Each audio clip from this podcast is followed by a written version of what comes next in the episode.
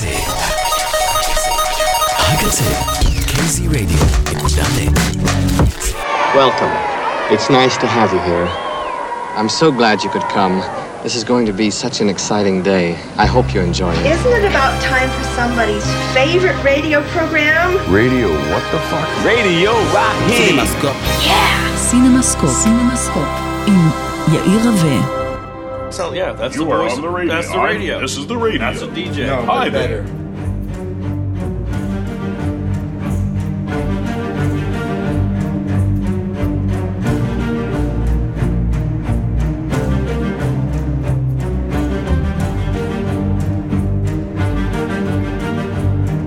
זו תוכנית מספר 407, היום 13 בדצמבר 2023, א' טבת תשפ"ד, חודש טוב, נר שישי של חנוכה. אה, אני פה אה, מנסה לדמיין שהכל כרגיל בחוץ, למרות שהכל לא כרגיל בחוץ, אבל אני... אה, עושה לנו כזה כמו בקולנוע, איזשהו סוג של אסקפיזם של שעה מכל uh, הכותרות האחרות, וגם לטובת אלה שישמעו את התוכנית הזאת בעתיד, כשהסרטים האלה יגיעו ל-VOD או לסטרימינג, ותחפשו uh, מה נאמר ומה נכתב עליהם, וכבר לא תזכרו שהייתה מלחמה וכל מה שקרה מסביב. אז uh, על זה אנחנו uh, סומכים פה, ש... שאנחנו בורחים מ... מהמציאות ולא מגיבים uh, אליה. עד כמה שאפשר. ובתי הקולנוע פועלים וסרטים חדשים יוצאים. ועל הסרטים החדשים האלה שמגיעים גם לבתי הקולנוע וגם לסטרימינג אנחנו נדבר היום. את uh, סינוס קובר רדיו קצה עושים בן אש, לאה שפיגל, עומר סנש, יובל רוזין, תודה לאפר כהן, תודה לאביעד ליפקין. Uh, תודה לכל צוות הפייסבוק והאתר על כל התכנים שהם מעלים ברשתות החברתיות ובאתר של kzradio.net, כל הדברים הכתובים והמנוגנים, יש צוות גדול של אנשים שאחראים לזה, לכל מה שאתם שומעים פה. ועוזרים לנו. תודה לכוואמי ותודה לכם שאתם מאזינים.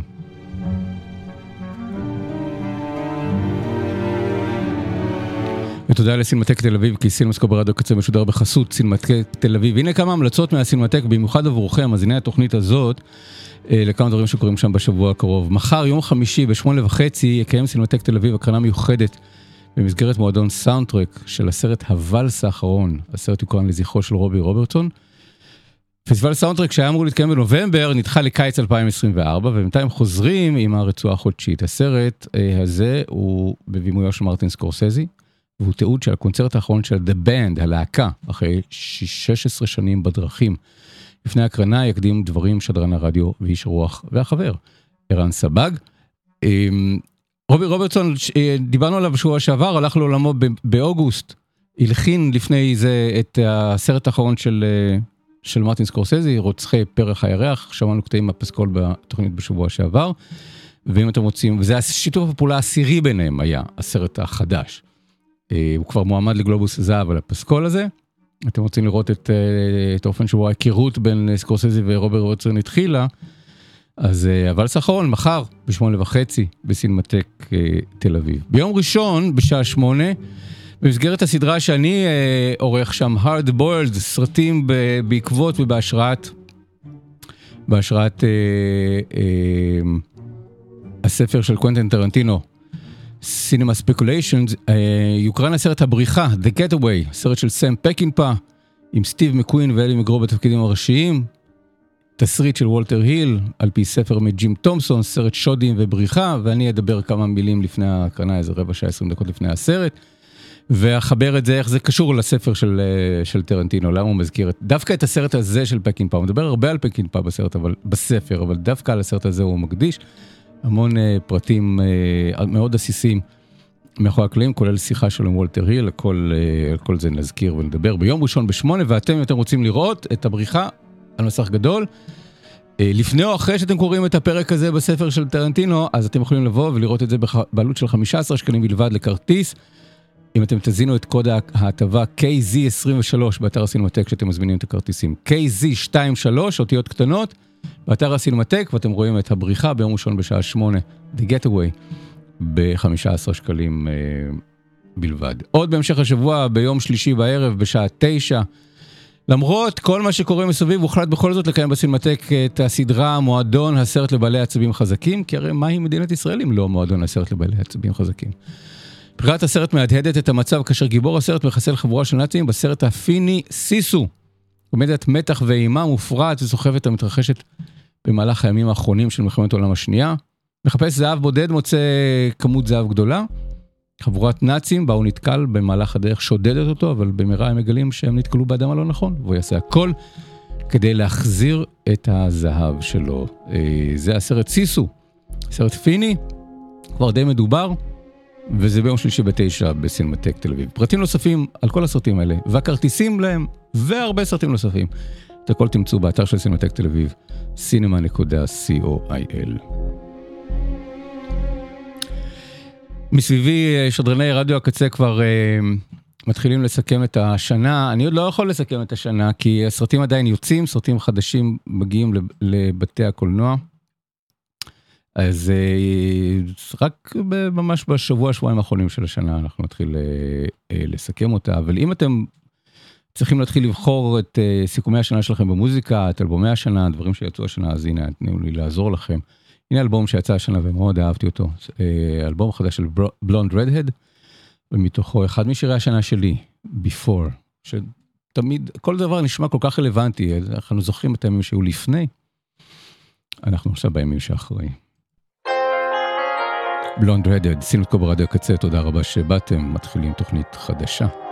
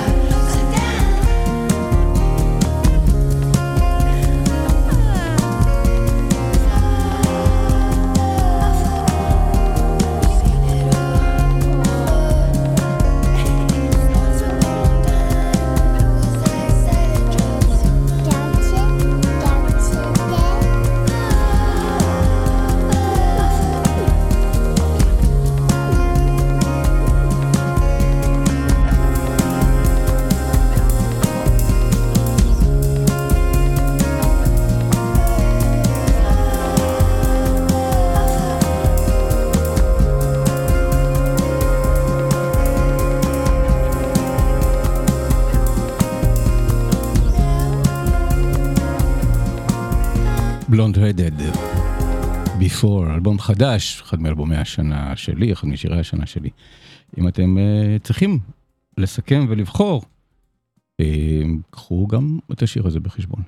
Uh, בואו נעבור לסרטים ולקולנוע. שלשום פורסמו המועמדויות לגלובוס הזהב. בגלובוס הזהב יש להם uh, חלוקה לסרטי דרמה וסרטים שהם קומדיות slash musicals. עכשיו, זו הייתה שנה מצוינת לקטגוריה כזאת, כי היו לא מעט musicals באמת השנה בבתי הקולנוע, או כאלה שעוד רגע יצאו, אבל כבר נחשבים לשנה הזאת. אה, בין השאר יש אה, אה, גרסה חדשה מוזיקלית לצבע ארגמן ווונקה שעוד מעט נדבר עליו ובת הים קטנה אבל אף אחד מהסרטים האלה לא מועמד לגלובוס הזהב בקטגוריית המיוזיקל וגם לא בקטגוריית השירים שזה משונה כי כאילו נדמה שאפילו מצביעי גלובוס הזהב אין להם סבלנות למיוזיקלס יותר. אני אוהב musicals.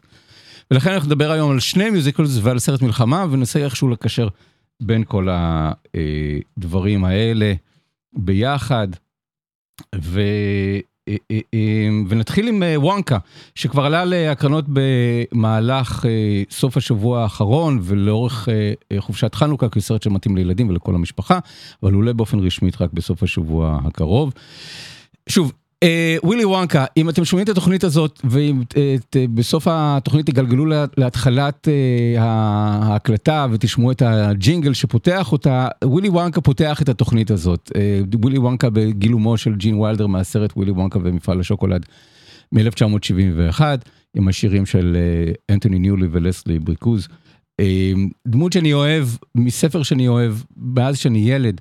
ולכן כשזה מגיע כל פעם מגיע משהו שקשור לעולם של רואלד דאל ושל ווילי וונקה באופן כללי אני מרגיש שזה כאילו שזה אישי בשבילי שאני מושקע בזה. אמ, ובאמת הקולנוע לא יודע להתמודד טוב כל כך עם אה, ווילי וונקה. מה מה לעשות עם הדמות הזאת? אז ג'ין ויילדר הייתה אופציה אחת ב-71 אחר כך בשנות האלפיים היה את אה, ג'וני דפ וטים ברטון שניסו לעשות משהו שהוא קצת יותר נאמן לרואלד דאל ולהציג את ווילי וונקה בתור משהו באמת סוג של סוציופט. מישהו שמסתגר במפעל שלו, שונא אדם, בייחוד שונא ילדים, למרות שהוא עושה אה, ממתקים עבור ילדים, אבל הוא לא כל כך רוצה להיות חשוף לאף אחד מהעולם, מסתגר שם, ופעם בשנה הוא פותח את, ה, את המפעל שלו ומאכלס, אה, מארח ילדים, ומתוודע על העובדה שהוא צודק, שבאמת ילדים וההורים שלהם הם אנשים נוראים. אה, ווילי וונקה הוא מיזנטרופ ואני חושב שרואלד דאל ראה בעצמו מעין ווילי וונקה כזה של יש לו מישהו שיש לו מפעל לייצור תכנים וממתקים וסיפורים לילדים אבל הוא עצמו היה מפורס, מן המפורסמות שהוא היה מיזנטרופ לא כל כך היה חובב אדם לא חובב ילדים וזה גם בא לידי ביטוי, ביטוי בספרים שלו. כילד נורא נהניתי לקרוא את הדברים האלה אנחנו אוהבים את הדברים האלה בספרים אה, כילדים איזשהו סוג של נקודת מבט קצת אה, גם מצחיקה אבל גם אפלה וגם מאיימת וגם מפלצתית אה, על העולם כשזה עטוף בעטיפה אה, מוזהבת של ממתקים וסוכריות וצבעים.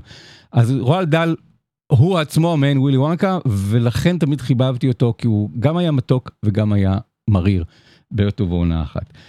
הסרט החדש הוא עדות לזה קודם כל בעולם העסקי הוא עדות לזה שהדמות של ווילי וונקה נמצאת בבעלות אולפני וורנר. כמעט כל הספרייה האחרת, אה, הזכויות לספרייה של וואל דל אה, נקנתה, נקנו, הזכויות נקנו על ידי נטפליקס, לכן אנחנו רואים שם יותר ויותר דברים שקשורים בוואל דל, למשל ארבעת הסרטים הקצרים שביים וס אנדרסון בשנה האחרונה, אה, על פי סיפורים קצרים של וואל דל, אם לא ראיתם אותם, אלה מהדברים הכי יפים שנעשו השנה בקולנוע, אז כדאי לכם מאוד לראות, וגם שם יש משהו באמת יפה. אה, ברואלד דאליות אה, אה, שלו. אז אבל ווילי וונקה שייך לאולפני וורנר ובתור בעלי זכויות הם צריכים באמת להזכיר שהם שהם צריכים לעשות מדי פעם סרטים של ה... עם הדמות הזאת. והנה מגיע הסרט שאמור להיות ה origin story של של ווילי וונקה הפריקוול לווילי וונקה של ג'ין ויילדר מ-1971. איך ווילי וונקה נהיה ווילי וונקה בעל המפעל לשוקולד. עכשיו, לקחו דמות של רואלד דאל, אבל מי שכתב את הסיפור המקורי וגם ביים את הסרט הוא פול קינג, שהוא במאי מוכשר אני חייב להגיד, אני, אני, אני בעדו, הוא ביים את שני סרטי פדינגטון, והוא עשה בהחלט פדינג, פדינגטוניזציה אה, לווילי וונקה. כלומר, ווילי וונקה הפך מדמות סוציופטית לדמות ילדותית, הוא הפך להיות למעין הצ'ארלי באקט החדש, הילד הקטן והתמים וה, והטהור והמתוק שמפשיר את ליבו של, של ווילי וונקה בספר המקורי ובסרטים, שגורם לו להבין שאוקיי, יש איזשהו סוג של תקווה מסוימת למין האנושי, יש עדיין ילדים והסבים שלהם שהם עדיין טובים אה, ו- ולא מרושעים ולא מפונקים, אז ווילי וונקה של פול קינג בסרט החדש הוא כזה, הוא פתאום, הוא מעין ילד, הוא גבר ילד כזה, טימותי שלמי מגלם אותו, מאוד ילדותי, עיניו גדולות ופעורות, והוא נפעם מהעולם והוא מוקסם מהעולם, ובתמימותו הרבה הוא רק רוצה להכין שוקולד טעים. מסתובב בעולם לחפש את uh, המצרכים הכי טובים מכל העולם ל, ל, לשוקולד שלו, ואז הוא מגיע לעיירה שבה הוא רוצה לפתוח את חנות השוקולד שלו, ככה הסרט מתחיל. העיירה כזה שמעוצבת במין איזשהו סוג של uh, פסטיש של כל מיני ערים ב, ב, באירופה, זה מעין סוג של החנות הזאת, גלריה כזאת של נפולי או מילאנו. Uh, לא יודע אם צילמו שם או בנו סט, עם, עם סט, זה סט עצום ויפה. מגיע לפתוח חנות ומתוודע על העובדה שהוא אמנם טוב לב, אבל בעולם השוקולד יש רשעים שמתחרים בו, ויש קרטל, קרטל של יצרני שוקולד שמונעים ממנו ולא רוצים שהוא יפתח את חנות השוקולד שלו, לא רוצים את התחרות שלו, ובעצם ווילי וונקה, ב... אם צריך לתת כותרת לסרט הזה, ווילי וונקה בנבחי ובסבכי הכלכלה הקפיטליסטית, איך ליצור רגולציה, אנטי קרטליזציה. אה, וליצור שוקולדיזציה של, ה, אה, של המצב. עם זה הוא מתמודד. ואז בגלל שאין לו כסף, אז הוא נקלע למין איזשהו סוג של תסבוכת במין סוואטשופ כזה של אה, מכבסה שמעבידה אנשים שזקוקים ל... לכסף, ובאמת איזשהו מסע של ילדים, זה המבוא של ילדים לכלכלה של ימינו של ניצול. ו, וגם אלימות בשם הכלכלה ולמניעת אה, אה, תחרות, ועם כל הדברים האלה ווילי וונקה וחבריו צריכים להתמודד בסרט. לא קשור בשום דבר לרואלד דאל, אה, לא קשור בשום דבר גם לווילי וונקה, אז אם כסרט stand alone, עם דמות שבמקרה יש לה שם כמו מהספר ההוא של וואל דל, ובמקרה הוא גם עושה שוקולד. אז אחלה סרט, באמת יופי של סרט לכל המשפחה, מושלם לחנוכה, באמת סרט של ממתקים ומתוק, אה, אי אפשר שלא לדבר על הסרט הזה ולחזור שוב ושוב על זה שהסרט מתוק, והוא סרט חמוד, והוא סרט נחמד, וסרט אופטימי, וסרט מלא צבעים. אה, אבל בתוך הקנון הזה של רואלד דאל ווילי וונקה, הוא לחלוטין לא קשור, כלומר אם הסרט הזה הוא הפריקוול לווילי וונקה מ-71 עם ג'ין ויילדר, ואני, ואני אומר לכם את זה כי המוטיבים המוזיקליים מה musical ההוא מ-71 מופיעים בסרט הזה, אה, אני לא רואה איך זה מתחבר, אני לא רואה איך טימותי שלמי גדל אה, ו-20 או 30 שנה אחר כך הופך להיות הדמות של ווילי וונקה של, של ג'ין ויילדר, כלומר יכול להיות שיהיו סרט, סרטי המשך. בהמשך שיבהירו לנו מה, מה קורה לווילי וונקה, למה הוא מפסיק להיות הנע, ילד גבר התמים וה, והשמח והחייכני, אה, שהופך את האומפה לומפה לשותפים, זה ממש, זה באמת, זה, זה, זה לא מבוא לכלכלה, אה, כלכלה קפיטליסטית, זה מבוא לסוציאליזם, כי, כי האומפה לומפה בספר המקורי וגם בסרטים הקודמים, הם עבדים, הוא, ווילי וונקה הוא סוחר עבדים, הוא חוטף אותם מהיערות שלהם ומביא אותם לעבוד ב, ב, במפעל שלו, ואנחנו כל שמחים, איזה חמודים הקטנים האלה, ואיזה שיר מתוק יש להם. אבל, אבל ווילי וונקה הוא סוחר עבדים, צריך להתמודד עם, ה, עם הלגאסי הזה, עם המורשת הזאת שלו. בסרט החדש אמנם יש אומפה לומפה אחד, אה, אבל הוא הופך להיות שותף שלו. שאני בעד אה, העברת אה, אמצעי הייצור.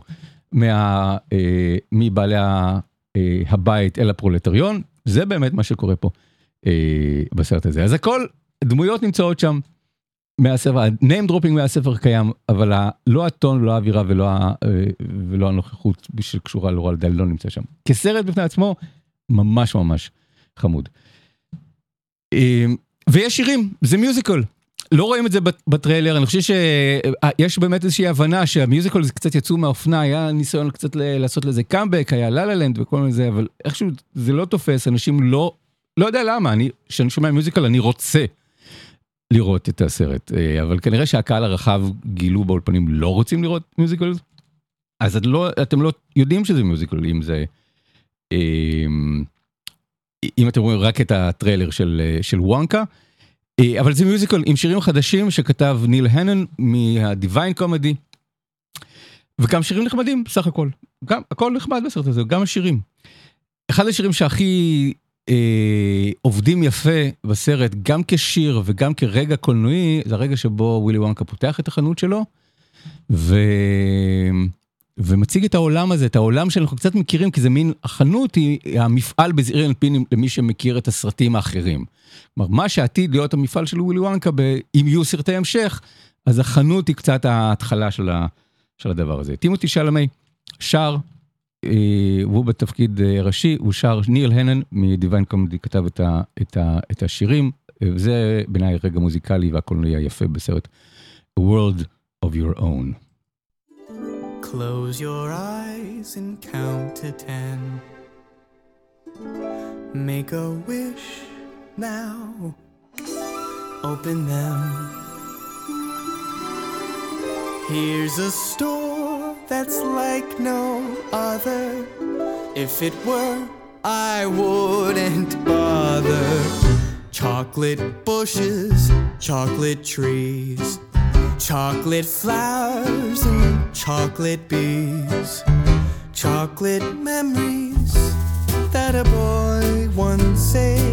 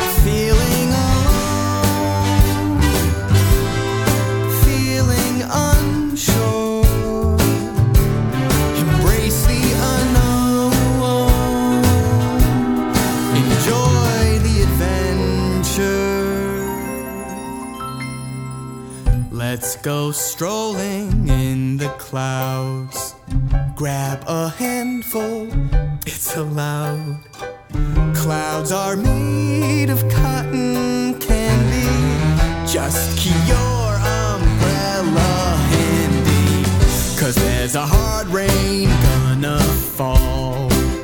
Humbugs, gumdrops, and aniseed balls. Fireworks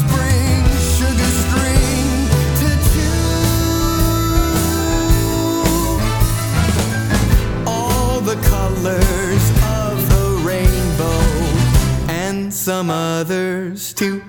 A world of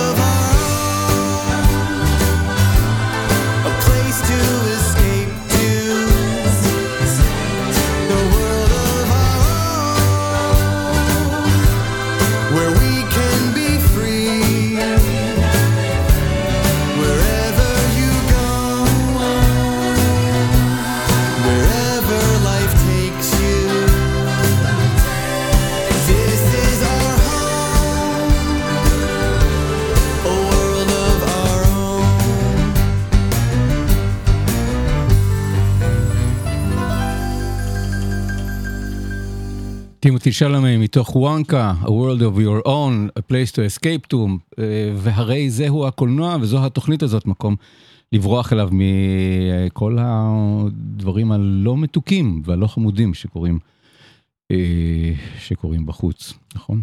ככה זה. אה, לסיכום הסרט הזה, אה, למי הוא מומלץ? לא לחובבי ווילי וונקה ורועל דל, אלא לחובבי פדינגטון, כי באמת הסרט הוא יותר דומה לפדינגטון מאשר ל, אה, לווילי וונקה או לצ'ארלי בממלכת השוקולד. וכדרכם של סרטים כאלה, הדמות המבוגרת אבל הילדותית ואינפנטילית בתפקיד הראשי, אבל היא צריכה שיהיה ילד או ילדה לצידה, ויש גם בסרט הזה ילדה. אה, קוראים לה נודל, והיא מתיידדת עם הגיבור שלנו, והוא עוזר לה והיא עוזרת לו. בעלילה של, בתוך ה sweat house הזה, של ה sweat shop הזה, של אה, אה, חנות הכביסה או, או מפעל הכביסה, שמנצל אנשים, זה קצת עולם שמזכיר את צ'ארלס דיקנס, כלומר הסרט הוא יותר צ'ארלס דיקנס מרואלד דאל, אבל גם יש בדמות הזאת משהו שהוא קצת גנוב ממטילדה של רואלד דאל, אז נראה ש... ש, שפול קינג, כשהוא הלך ל, ל, לכתוב את הסרט הזה, אז הוא חשב על פדינגטון, הוא חשב על מטילדה, הוא פתח כל מיני ספרים אולי של רואלד דאל, הוא רק לא נגע בצ'ארלי בממלכת השוקולד. אולי זה עניין של זכויות, אני לא יודע בדיוק מה קרה שם, אבל זה גם עניין של, של טון, כי, כי אי אפשר לעשות סרטים של רועל דל שהם לא יהיו אפלים וקצת מאיימים וקצת מפלצתיים. והסרט הזה נטול מהדבר הזה לחלוטין, הוא כולו אור ושמש וחיוכים וטוב לב. אה, ורגע מאוד יפה אה, במפגש הזה של אה, וואנקה ונודל, של טימותי שלמי והשחקנית הצעירה קאלה ליין, שמגלמת אותו. באמת רגע מוזיקלי מרגש, ומבחינתי זה הפך, השיר הבא הפך למעין ההמנון של, ה, של התקופה הזאת, של באמת לרגע, לרגע קט, אפשר אולי לנסות לשכוח את כל מה שקורה בחוץ, מתוך וואנקה, for a moment.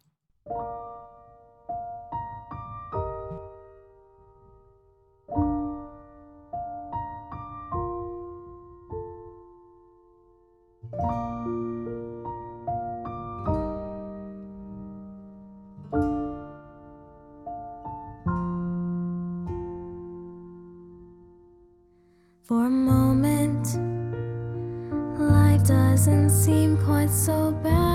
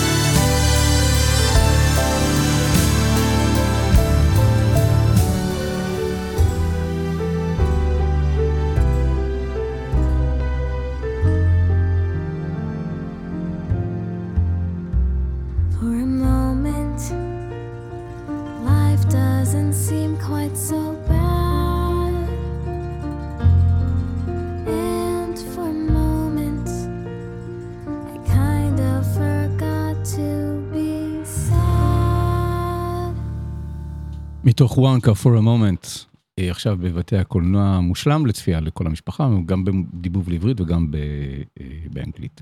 אה, נעבור לסרט חדש שעולה ממש מחר, אה, לא, הוא כבר יצא, הוא יצא בטרום בכורות, הוא כבר עכשיו בבתי הקולנוע. הסרט החדש של רידלי סקוט, נפוליאון, תקשיבו, רידלי סקוט בן 86, אני לא יודע איך הוא עושה את זה.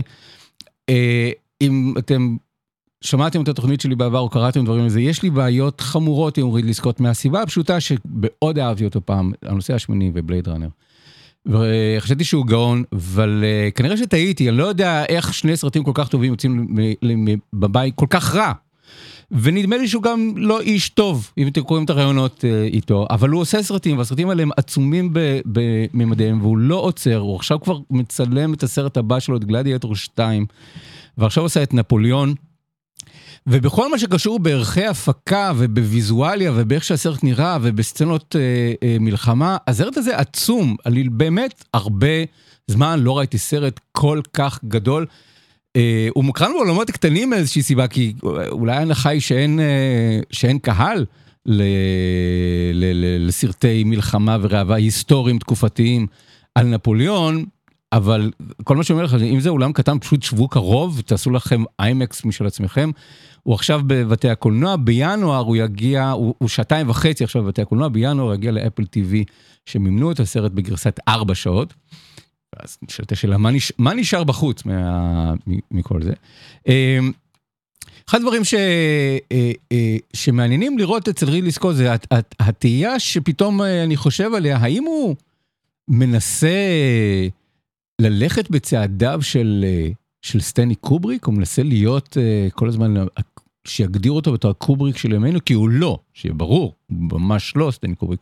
אבל נפוליאון היה פרויקט החלומות של סטני קובריק, קובריק. זה הסרט שהוא רצה לעשות אחרי התפוז המכני. אה, מאז 68 ועד 73 הוא עבד על הסרט הזה, כתב תסריט, עשה תחקיר בארכיונים שלו וב, ובבית שבו הוא גר, יש חדרים עם ארגזים על תחקיר של, אה, של ימי נפוליאון והאיש נפוליאון וההיסטוריה והתקופה ועשה סיור לוקיישן והתחיל ללהק את הסרט. ג'ק ניקולסון ואודרי הפורן היו אמורים להיות בתפקידים הראשיים אה, בסרט ולבסוף הוא זה ירד מהפרק, זה בוטל ממש כזה רגעים לפני הצילומים, כאילו הסרט היה כבר מוכן לצאת לדרך, ו... והוא ביטל. כל פעם אני שומע תירוץ אחר, למה? כנראה בסופו של דבר עניינים של, של, של uh, כלכלה, אבל את, ה... את התחקיר שהוא אסף על התקופה הזאת, הוא ניצל אותו כדי להשתמש בו ב... לברי לינדון, שהוא עשה, שמתרחש בתקופה הנפוליאנית. Uh, אז זה היה זה, ורידלי סקוט uh, אוהב את התקופה של נפוליאון, כי הסרט הראשון שהוא עשה, הדואליסטי, מתרחש בימי מלחמות נפוליאון, הסרט הלפני האחרון שהוא עשה, הדו-קרב האחרון, מתרחש בימי מלחמות נפוליאון, והנה עכשיו הוא מתעסק בנפוליאון בעצמו. ו... והוא עושה את גלדיאטור, שזה קצת הספרטקוס שלו. נכון? אז אני מנסה לחשוב, אם מסתכל על הפילמוגרפיה של... של אפשר לקרוא של הנוסע השמיני ה take-off שלו על 2001 אודיסאה בחלל הצד הצד השני של הסיפור לא הצד המואר אלא הצד האפל של, ה, של הקוסמוס. אמ, אבל רידלי סקוט הבעיה שלי איתו זה שנראה לי שאין לו לב ואין לו מצפון ולכן אולי נפוליאון הוא בדיוק הדמות שמתאימה לו כי הוא מביים את נפוליאון בתור ויוצר את נפוליאון בתור אדם שבאמת אין לו אלוהים ולא, ואין לו מצפון והוא מעין רובוט שמבצע פקודות לפחות בתחילת הסרט מבצע פקודות קצין זוטר בתותחנים. הוא רואה בתחילת הסרט בכיכר את uh, ההוצאה להורג של מארי אנטואנט ומקבל את המשימה בתור קצין תותחנים זוטר אה, להכניע את הצבא הבריטי באחד הקרבות, בקרבות בין צרפת ואנגליה, והוא עושה את זה ומצטיין ועולה בדרכה, ואז מקבל קרב נוסף ועולה בדרכה, ואז הוא יוצא לכבוש את המזרח התיכון ומצליח, ובתוך כל זה נדמה שהוא רק מקבל משימות, והוא יודע מאוד טוב לבצע אותם. אני תוהה לעצמי האם רידלי סקוט מרגיש שזה הוא, מעין מצביא שמקבל מהאולפנים ומהמפיקים ומה... את המשימות, למרות שהוא בעצמו הרבה פעמים יוזם את הדברים. והוא יוצא ומבצע אותם והוא רוצה לדאוג שכל סרט יהיה יותר גדול ויותר גדול ויותר משמעותי והוא שיקבל יותר, יותר כסף, יותר מעמד ויותר אה, דברים, ורק רוצה עוד ועוד ועוד. זאת הדמות של נפוליאון, מישהו שרוצה עוד ועוד ועוד. ויש עוד נקודה. וזו נקודה שקצת מחברת את הפרויקט של, של רידלי סקוט עם, עם התסריט של דיוויד סקרפה בסרט של רידלי סקוט, עם התסריט של סטנלי קובריק בסרט אה, שלו. תסריט שיצא לאור ופורסם, ואפשר לקרוא אותו. החיבור עם אימא שלו. סטנלי קובריק כתב את אה, נפוליאון קצת במבנה של אה, האזרח קיין. הוא הפך את נפוליאון למעין האזרח קיין ומנסה למצוא את היסודות לסיפור של נפוליאון בילדות שלו. מה הרוזבד שלו, הדובי, הרוזבד שלו אצל, אצל, אצל סטנלי קובריק. אה, ו- ולמה הוא, למה הוא מנסה לחזור, למה הוא מתגעגע, מה הדבר הזה, מה הצמא והפצע שיש בתוכו שאותו הוא מנ- מנסה למלא על ידי הכיבושים שהוא, שהוא עושה. קצת יש מזה בסרט של, אה, של אה, רידלי סקוט, למרות שאין את הילדות שלו, אבל רואים שיש לו קשר כפייתי, אובססיבי וקצת ילדותי עם אימא שלו, שכל מה שהוא עושה, הוא כל הזמן עושה את זה לש, בשם אימא שלו. רוצה להוכיח לאימא שלו שהוא לא האספסוף מקורסיקה, כמו שכל הזמן חושבים שלו, שלא מישהו כזה שהוא אה, אה, אזרח סוג ב', אלא שהוא יכול להיות הקיסר של צרפת. ונדמה שכל מה שהוא עושה, הוא עושה למען אימא שלו. ואחר כך כשהוא מתאהב בג'וזפין, גם פה יש איזושהי מערכת יחסים מאוד, שנראית לי מאוד לא בריאה, בין מישהו שהופך את, ה, אה, את האהובה שלו ואת אשתו למעין דמות אם. של תלות מאוד גדולה בה, ושכל מה שהוא עושה, הוא כותב לה מכתבים, הוא עושה למענה.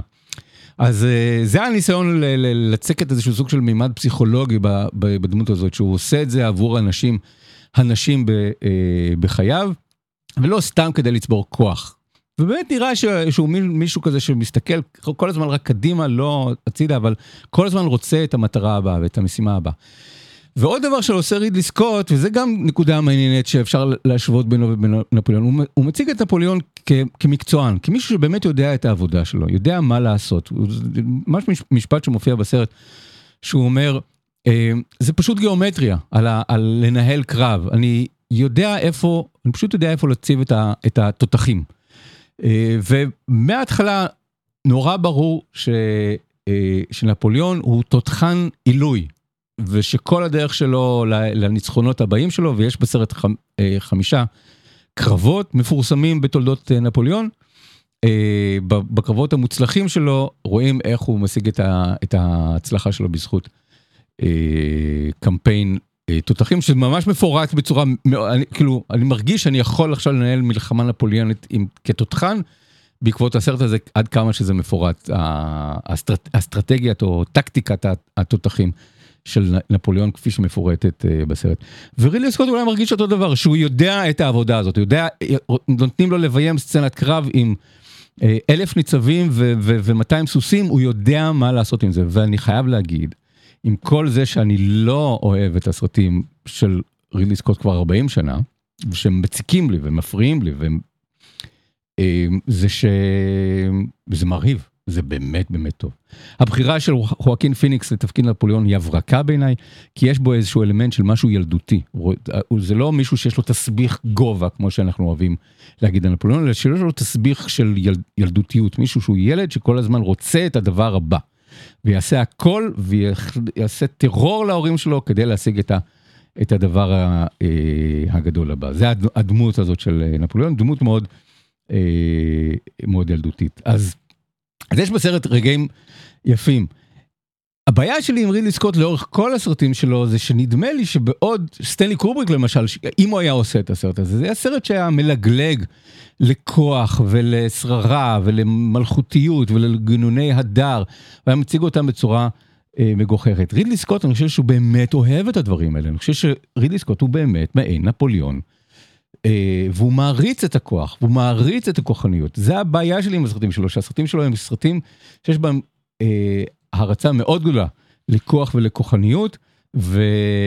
וגם אם בסרט הזה בסופו של דבר אנחנו רואים גם את נפילתו של, של נפוליאון, ההפסדים שלו בקרב ב-1812, בניסיון שלו לפלוש ולכבוש את רוסיה, 1812 שהוליד את היצירה המוזיקלית של צ'ייקובסקי, ואחר כך בקרב בווטרלו, אותו קרב שהוליד את היצירה המוזיקלית של אבא.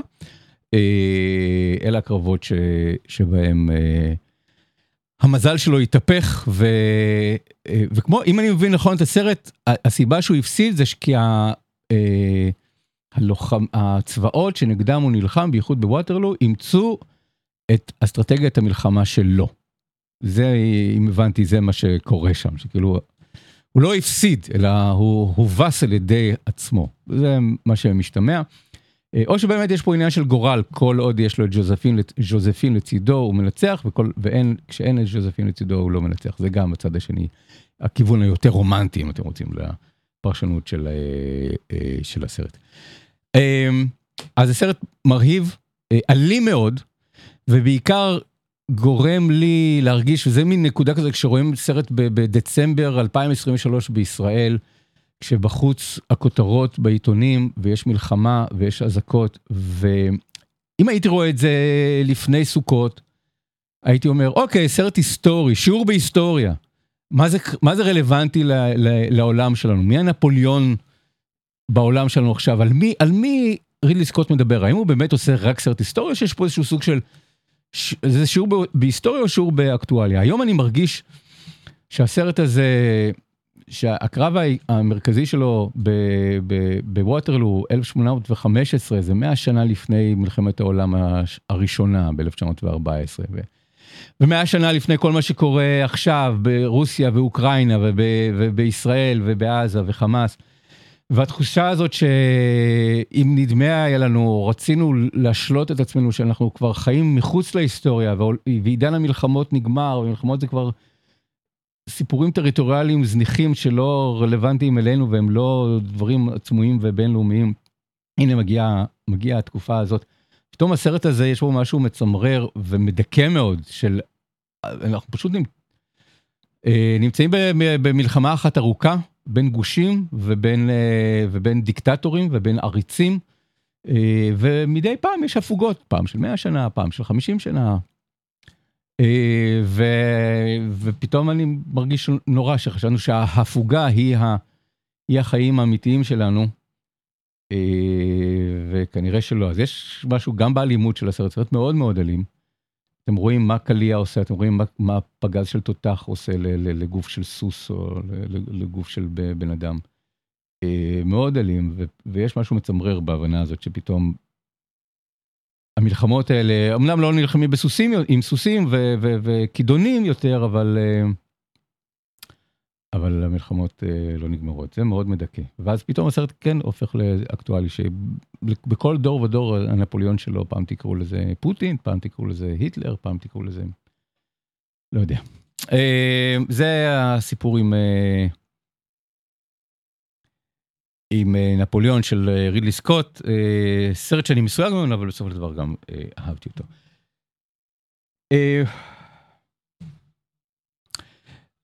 אחד הסרטים שהכי אהבתי בקיץ האחרון, אהבתי, חיבבתי, מאוד מאוד חיבבתי, הייתה לי סימפתיה ומאוד רציתי כבר לדבר עליו, חיכיתי שהוא יגיע לישראל. הוא לא הופץ בבתי הקולנוע ועכשיו הוא מגיע לשירותי הסטרימינג, הסרט נקרא Theater Camp. מחנה תיאטרון, אם יש לכם דיסני פלוס אז הוא כבר מסוף השבוע שם, תחת השם בעברית חזרה גנרלית, ולא מחנה תיאטרון. אבל תראו אותו, זה אה, סרט הביכורים של אה, מולי גורדון וניק ליברמן, אה, שעשו סרט קצר לפני שלוש שנים ועכשיו פיתחו את הסרט הקצר הזה לסרט באורך מלא. הם אה, כינסו את החברים שלהם מעולם התיאטרון, חלקם בנים ובנות של מולי גורדון היא, היא בת של מפיק טלוויזיה מפורסם, בן פלט אה, הוא בן של מפיק קולנוע ותיאטרון מפורסם, מרק פלט אה, שהפיק את לאלה לנד בין זה, והם אנשי, כולם תיאטר קידס כאלה, ואני חושב שאם זה סרט היה מופץ בארץ, אני לא יודע אם הוא מצליח נורא, אבל אני חושב שכמו שראיתי בניו יורק, שהעולמות היו, הקטנים בכמה בתי קולנוע היו מלאים, בתיאטר קידס, באנשים שהם לומדים תיאטרון בבתי, בתיכון או בקולג' אה, וחובבי תיאטרון, אז פה גם אני חושב שיש מיליה כזה של אנשים שלומדים תיאטרון בבתי ספר בתיכונים, בתל מיילין ובעירוני א' בתל אביב ובעוד מקומות, ובחוגים לתיאטרון ובאוניברסיטאות, בסמינר הקיבוצים באוניברסיטת תל אביב. ואנשים שחיים את עולם התיאטרון בשוליים שלו, ושהם צעירים ושרוצ... והם wannabes, הם רוצים להצליח בתיאטרון. אני חושב שהם היו מוקסמים מהסרט הזה, והופכים אותו לא רק לסרט פולחן, הייתי יכול לדמיין אותו הופך לסרט sing-along, כי גם הסרט הזה הוא musical וקומדיה, ואין לו זכר במועמדויות לגלובוס הזהב. חבל, אני, אני בסקרי סוף השנה של המבקרים באמריקה, שאני משתתף בהם, אני מזכיר אותו, אבל לא עוזר, אף אחד לא, אה, כנראה חוץ ממני לא מזכיר אותו, אז הוא לא נמצא ברשימות.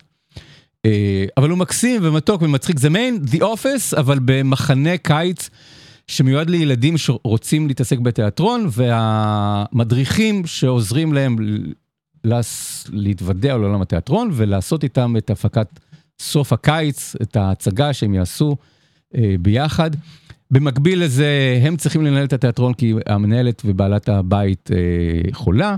ויש אחרים שמנסים לקנות את האדמה ולסגור את התיאטרון, אז האם הם הצליחו לנהל את, את המחנה, האם הם הצליחו להביא את הילדים לעשות את הצגת סוף השנה, האם הם הצליחו לנהל את התיאטרון, אה, אה, את, ה, את המחנה ולא להביא לסגירתו על ידי יזמי אה, נדל"ן. אה, מולי גורדון, אתם, אה, אם ראיתם את The Bear, אתם מכירים אותה, היא קלר. במושא אהבתו של, של כרמי השף בעונה השנייה.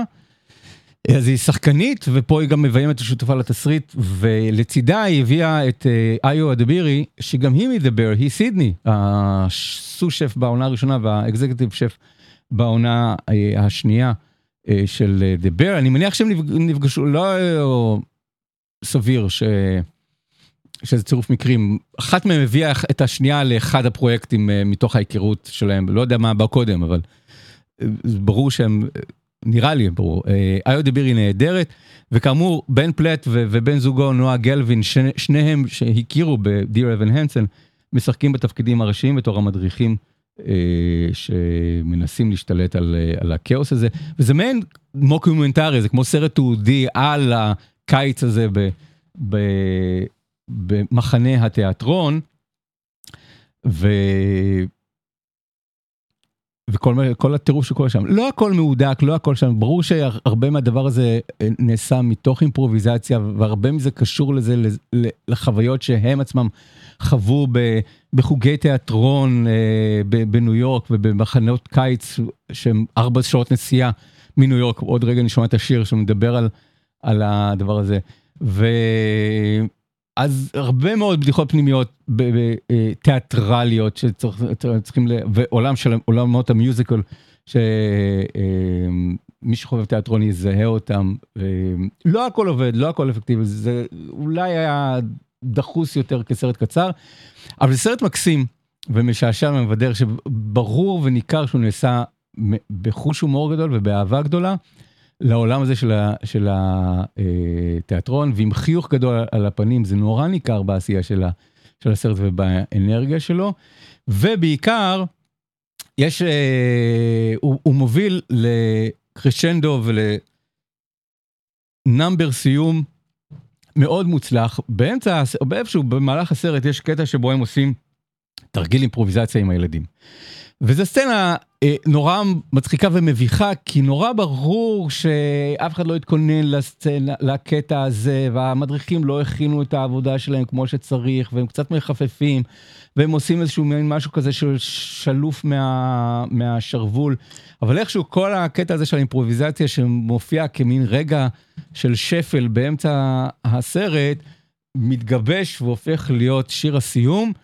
וזה אולי גם באמת התרגיל, מעין תרגיל אימפרוביזציה גם של יוצרי הסרט וגם איזשהו סוג של משהו שמלמד אותנו על, על יוצרים, שאנחנו זורקים לנו רעיונות, הרעיונות האלה הם, הם, הם, אה, הם לפעמים מופרכים ואין שום קשר ביניהם, אבל אנשים שיש להם אה, עצמות יצירתיות בתוכם וכישרון יכולים לקחת את הדברים הכי מופרכים ואת הרעיונות הכי לא קשורים ואת האימפרוביזציה הכי אה, אידיוטית ואיכשהו לרכז את זה ולהפוך את זה למשהו אה, שהוא יהיה מוצלח. אז השיר שחותם את הסרט נקרא Camp isn't home, כי כל הזמן אומרים להם שהמחנה הקיץ זה כמו הבית שלכם, ואז, הם אומרים לא נכון, מחנה הקיץ זה לא כמו הבית, מחנה זה לא הבית.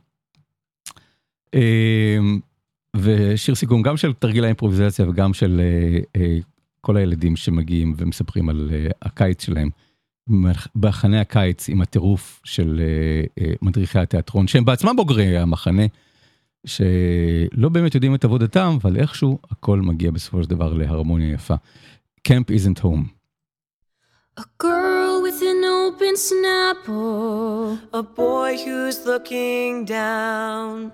All the faces and the memories that we have from right now. Raise a glass for everyone that will come through these halls. But in the glass isn't alcohol, it's something more profound. And the holes aren't holes at all, of course, they're trees and lakes and birds. We all fly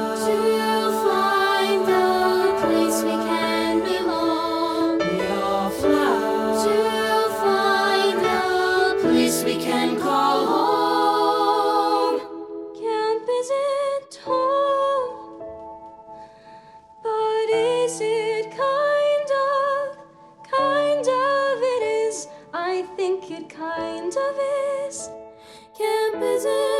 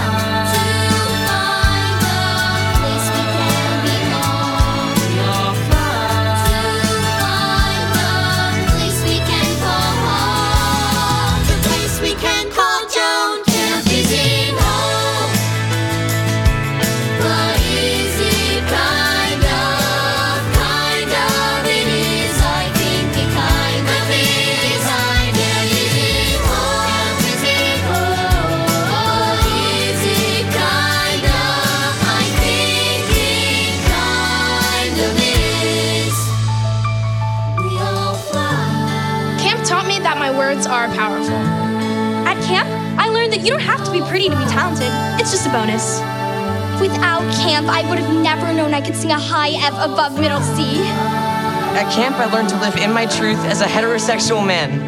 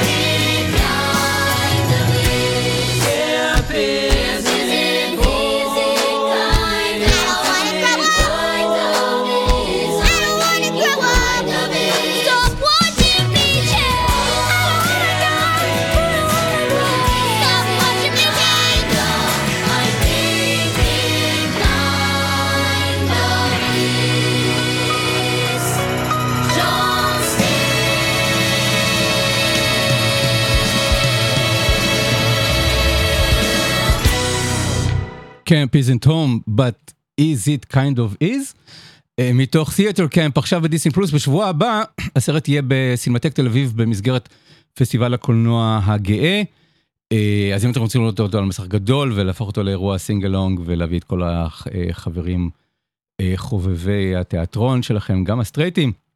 אז יהיה אותו, ואני מקווה שימשיכו להקרין אותו בסינמטק כי זה ממש באמת סרט שיכול להפוך לסרט פולחן עבור 500 איש אבל צעירים אבל אבל עדיין יכול לעבוד. יופי של סרט תיאטר קמפ. רציתי להספיק לדבר היום על אה, אה, להשאיר את העולם מאחור Leave the World Behind סרט חדש בנטפליקס עם, עם איתן הוק וג'וליה רוברט של סם איסמייל לא אני לא מספיק נדבר על זה בשבוע הבא בינתיים תצפו בו סרט מלחיץ אבל טוב. ו, ו, ושיר אה, שהיה יכול להיות שיר סיום לסרט הזה זה It's the end of the world and I um, is, the, uh, is the end of the world as we know it של R.E.M. הוא לא מופיע בסרט, קצת תחושה כללית של אולי זה מה שקורה בעולם, אבל זה דווקא שיר שמופיע בסוף של מאסטרו, של ברדלי קופר, כי הם מזכירים את ליאונרד ברנסטין באמצע. עם זה אנחנו שמים סימסקו ברדיו הקצה, תוכנית 407, באמת, בתקווה, חודש טוב וחנוכה שמח, ותקווה ש, שבשבוע הבא כבר הכותרות יהיו טובות יותר. נכון?